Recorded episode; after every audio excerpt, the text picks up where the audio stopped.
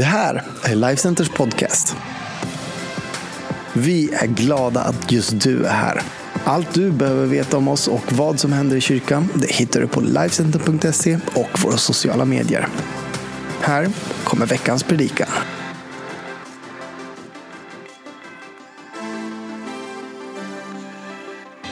Hej Lifecenter, hej kyrkan. Det här är Robert Stenstrand här. Eh, jag ska få predika idag, vilket jag tycker ska bli jättekul, för det, det var ett tag sedan. Och eh, jag har verkligen längtat, jag har verkligen saknat att få, få dela, dela ifrån scenen på det här sättet. Så jag hoppas verkligen att du får, får med dig någonting idag. Sätt dig bekvämt eller om du står upp eller vad du nu gör. Men lyssna idag. Jag tror att Gud vill säga någonting till dig, rakt in i ditt liv, rakt in i din situation. Och jag tänker predika utifrån Bibeln som vi alltid gör. Vi predikar alltid utifrån Bibeln. För att vi tror att den är sann. Vi vet att i varje omständighet, varje situation vi går igenom så har Guds ord ett svar. För att det är just Guds ord. För när Gud talar, då blir det till. När Gud säger var det ljus, då bara tänds stjärnorna på himlen. När Gud säger skingra dig mörker över situationer, då skingras mörker. Men vi behöver veta på vad det är vi står. Vi behöver kunna vila i den vissheten, i den övertygelsen. Och du kommer aldrig kunna få den om du inte matar in det. Det är precis som vad du har på ditt bankkonto. Liksom. Har du inte satt in någonting kan du inte ta ut någonting. Så låt oss tillsammans idag bara få sätta in på vårt andliga bankomatkonto goda ting, inspirerande ting, upplyftande ting ifrån Bibeln, ifrån Guds ord. I Johannes kapitel 21 så hittar vi en berättelse, en story när Jesus möter lärjungarna igen. Och vi hoppar in rakt in i, i, i storyn här. Från vers 1 så står det. Därefter så uppenbarade sig Jesus ännu en gång för lärjungarna. Det var vid Tiberias sjö och det gick till så här.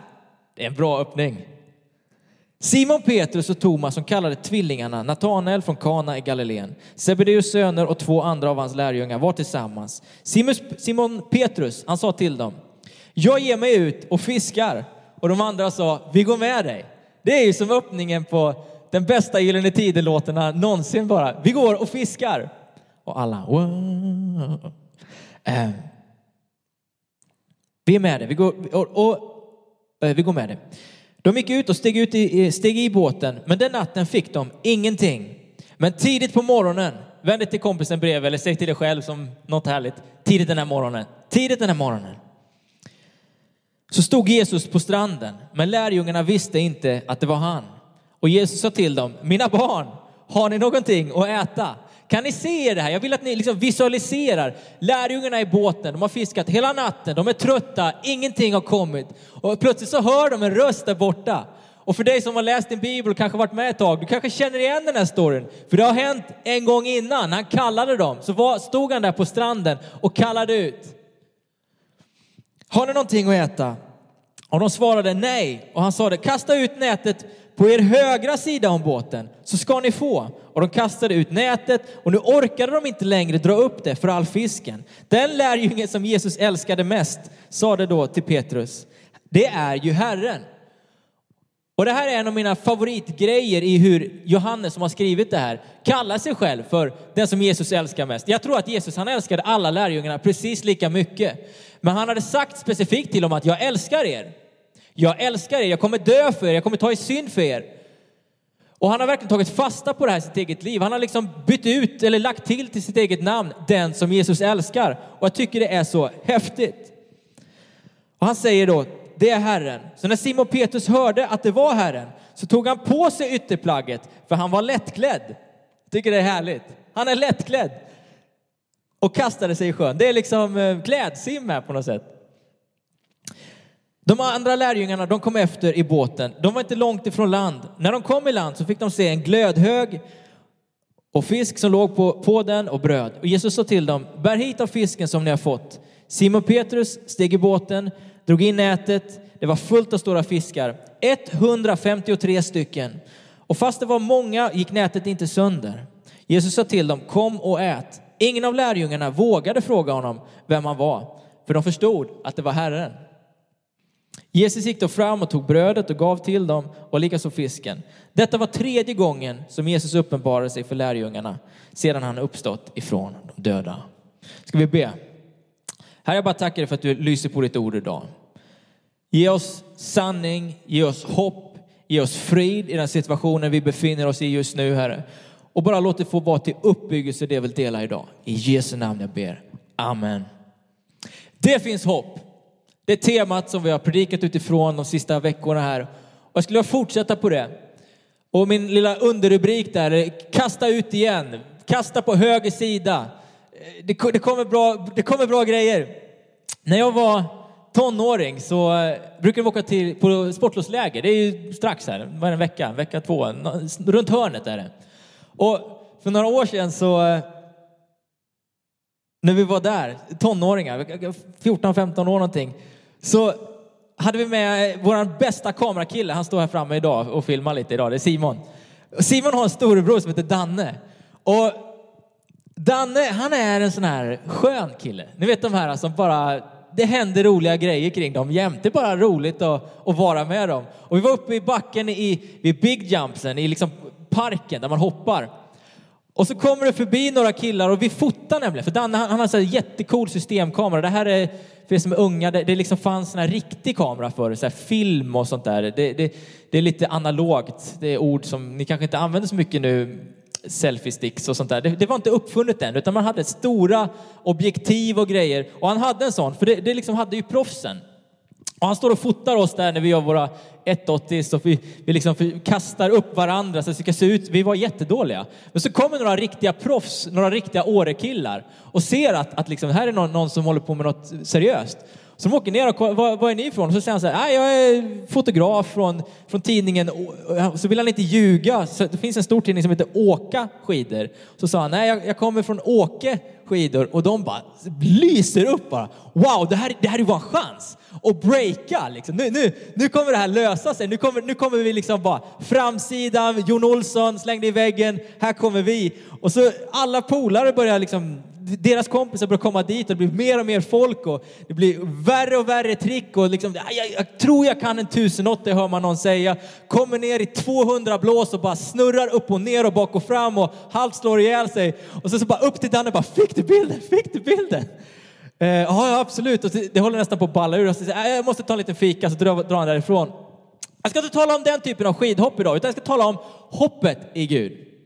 Hoppet när vi sätter våran blick, vår, våran, våran tro till någonting helt annat än fotografier, en, en Danne, en tidningar, en saker och ting. Det kan komma och gå, men hoppet som vi har i Gud, hoppet som vi har genom det, den segern som Jesus har vunnit på korset, den gäller.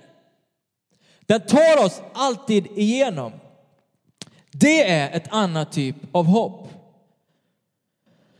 Och i den här säsongen som vi är nu av pandemi som har hållit på en stund. Jag har haft många samtal med många som, eh, som mår dåligt. Som, det är deppigt, det är tungt, det är, det är motstånd. Men samtidigt har jag träffat väldigt många som, som mår väldigt bra. Man har fått mer tid för familjen. Omständigheter har lugnat sig. Um, och det är nästan som att de människorna har skämts lite över att, vet du vad, jag mår faktiskt väldigt bra. Jag får, får, det är lättare att få vardagen att gå ihop. Vardagspusslet blir lite lättare att lägga. Och jag får mer tid med min partner, min fru, min man och mina barn eller mina vänner på det sättet som man kanske ses, även om man inte ska se så många. Och jag skulle vilja lyfta dig idag, för att du ska inte skämmas för det. Det är okej okay att må bra. Det är okej okay att känna hopp. Vi som kyrka, vi är inte bara till för de brustna, vi är till för dig som är brusten, som går igenom en svår tid just nu. Vi är här för dig. Men vi är också här för dig som mår bra. Och det är okej okay att må bra. Mår du dåligt, ta hjälp och börja resan mot att må bättre. Mår du bra, skäms inte utan fortsätt att må bra. Om vi hoppar in i storyn här igen så har alltså Jesus han har fullbordat, han har dött och uppstått. Och det är en liksom mellanperiod här nu när Jesus han, han uppenbarar sig ett par gånger för, för lärjungarna och vill, vill liksom inspirera dem, peka på att det, liksom, det, det, tog inte slut där. De hade ju en bild av hur allting skulle bli. Jesus han skulle bli kung och Petrus hade, jag ska bli liksom vicepresidenten. Och de tänkte att det, det var en annan bild, en annan bild av seger som de hade sett framför sig. Och så blir det den här bilden, den här versionen de inte riktigt hade fått kläm på än. Och Jesus han dyker upp för att bara inspirera dem, lyfta dem, fylla dem med tro, fylla dem med hopp.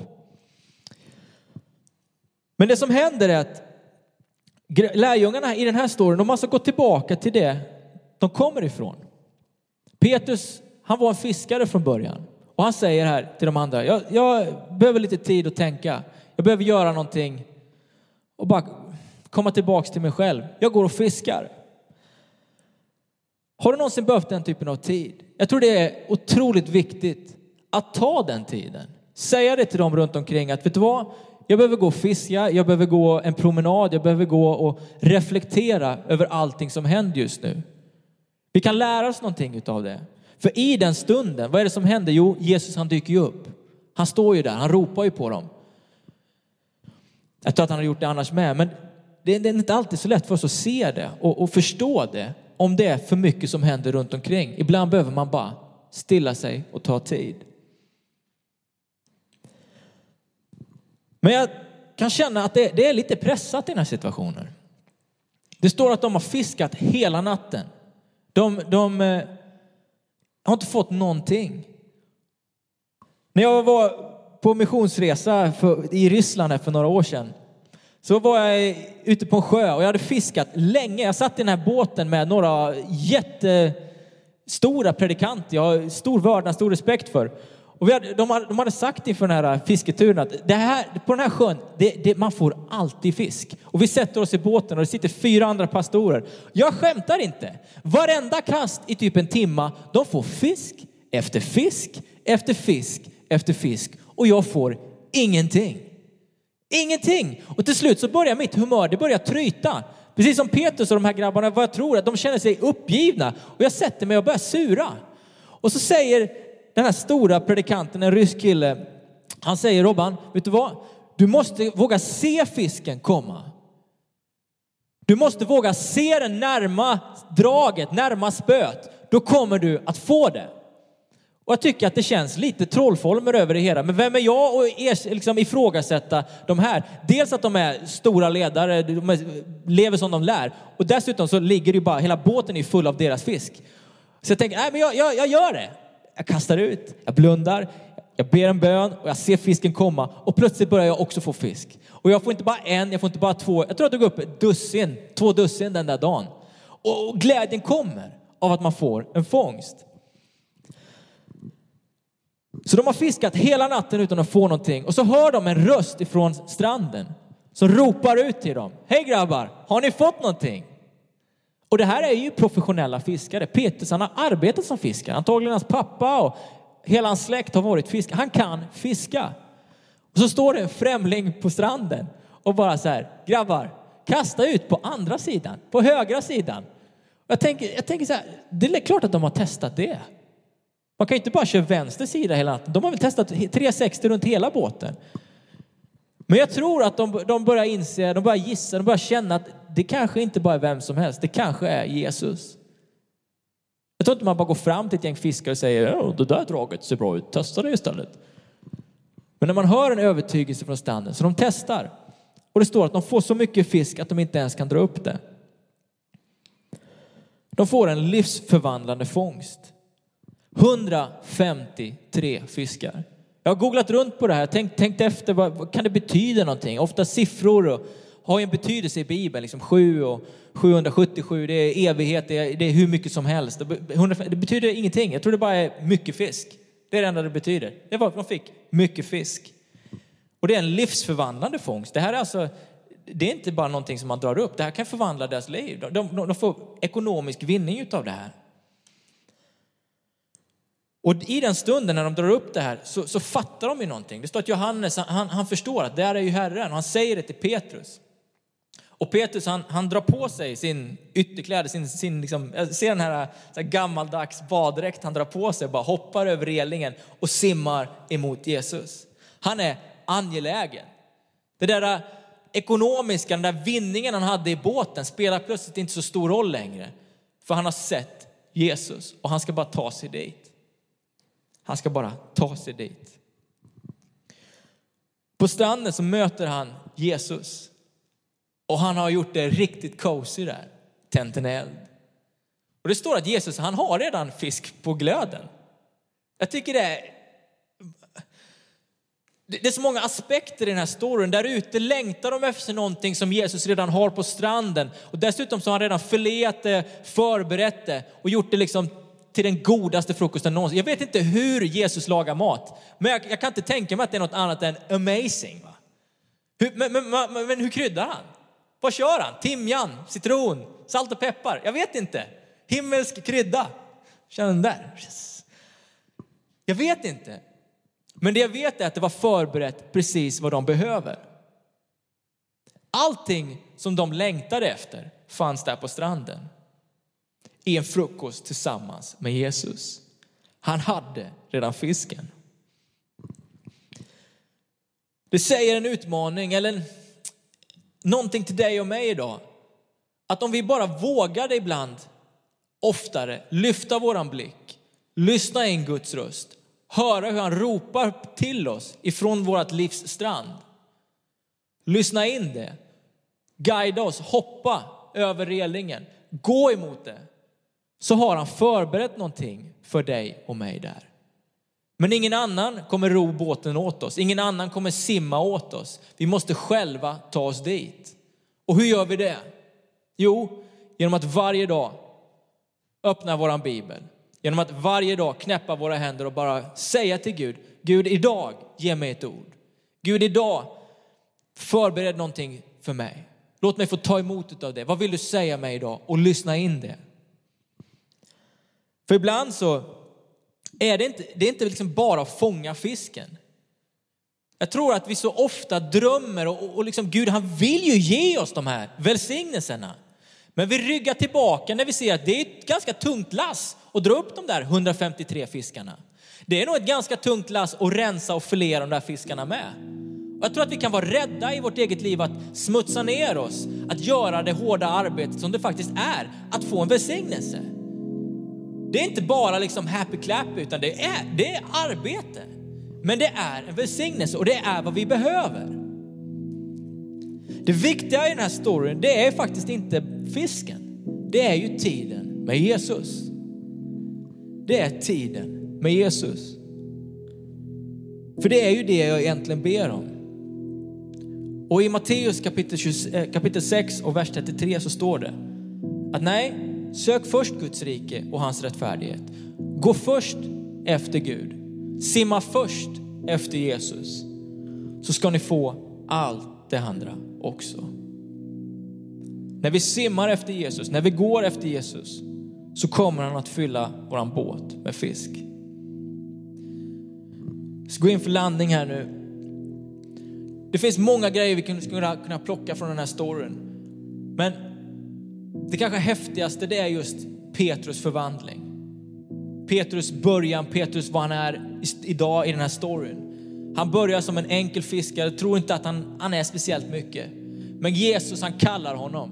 Sen händer livet. Saker händer. Han förnekar Jesus. Hans mästare korsfästs. Livet händer. Jag vet inte min vän vad du har gått igenom, vad du går igenom. Men jag vet att Jesus han är där. Och jag vet att på andra sidan av det så väntar ett mirakel. Det Gud, han vill bara peka och visa tillbaka att du vet, jag är med dig. Genom allt du går igenom. Varje dag kanske inte är den här mysiga stunden, men den kommer när vi går efter det. Och han vill möta oss varje dag. Hans liv med Gud, det börjar med ett fiskemirakel. Det, här liksom i slutet, det är ett fiskemirakel. Och någonstans det, det vi kan se, det, det är att det, han börjar som att jag förtjänar inte det här. Det är oftast den inställning jag möter med mina vänner jag pratar om tro. När man kommer till den här punkten, att, vet du vad, jag känner mig bara kass. Det känns inte som jag förtjänar det här som Gud vill ge mig. Jag är syndare. Jag har gjort fel. Men här i den här storyn, då är det som att Petrus äntligen har landat i att det är okej. Okay. Jag får komma som jag är. Och så sätter de sig ner, bryter brödet, delar på fisken och får ha den här intima stunden. Min avslutande tanke den är, den är den här. Hur är det med dig? Vill du lära känna Jesus? Vill du äta den här frukosten tillsammans med honom? Vill du känna det här hoppet som bara han kan ge? Då är det så enkelt som att börja leva ut det. Att, Bibeln säger så här att om vi i vårt hjärta tror att Jesus är Herre, att han har dött och uppstått, att han har tagit våran synd. Om vi säger att han är våran frälsare, om vi säger det ut med våran mun, då är vi räddade. Då har vi tagit emot den gåvan. Jag skulle vilja leda dig i en jätteenkel bön där du befinner dig och vi vill hjälpa dig på alla sätt som vi bara kan. Det finns en knapp här bredvid du kan trycka om du har tagit ett beslut så att vi bara får koppla med dig. Men hej, var du än befinner dig just nu, kan inte jag bara få be för dig? Att du, går, att du får komma igenom det här, att du får komma till den här platsen tillsammans med Jesus. Herre, jag bara tackar dig för alla som tittar idag, alla som lyssnar idag. Jag tackar dig för den som vill ta ett beslut att börja följa dig. Att de redan här just nu bara får tala det ut med sin mun och du får flytta in i deras liv, flytta in i deras hjärta, Herre. Jag tackar dig för att vi ska få hjälpa människor att komma närmare dig. Att varje dag kan få bli lite bättre, Herre. Att vi får känna ännu mera hopp, Herre. Jag tackar dig för att du är vår frälsare. I Jesu namn jag ber. Amen. Amen.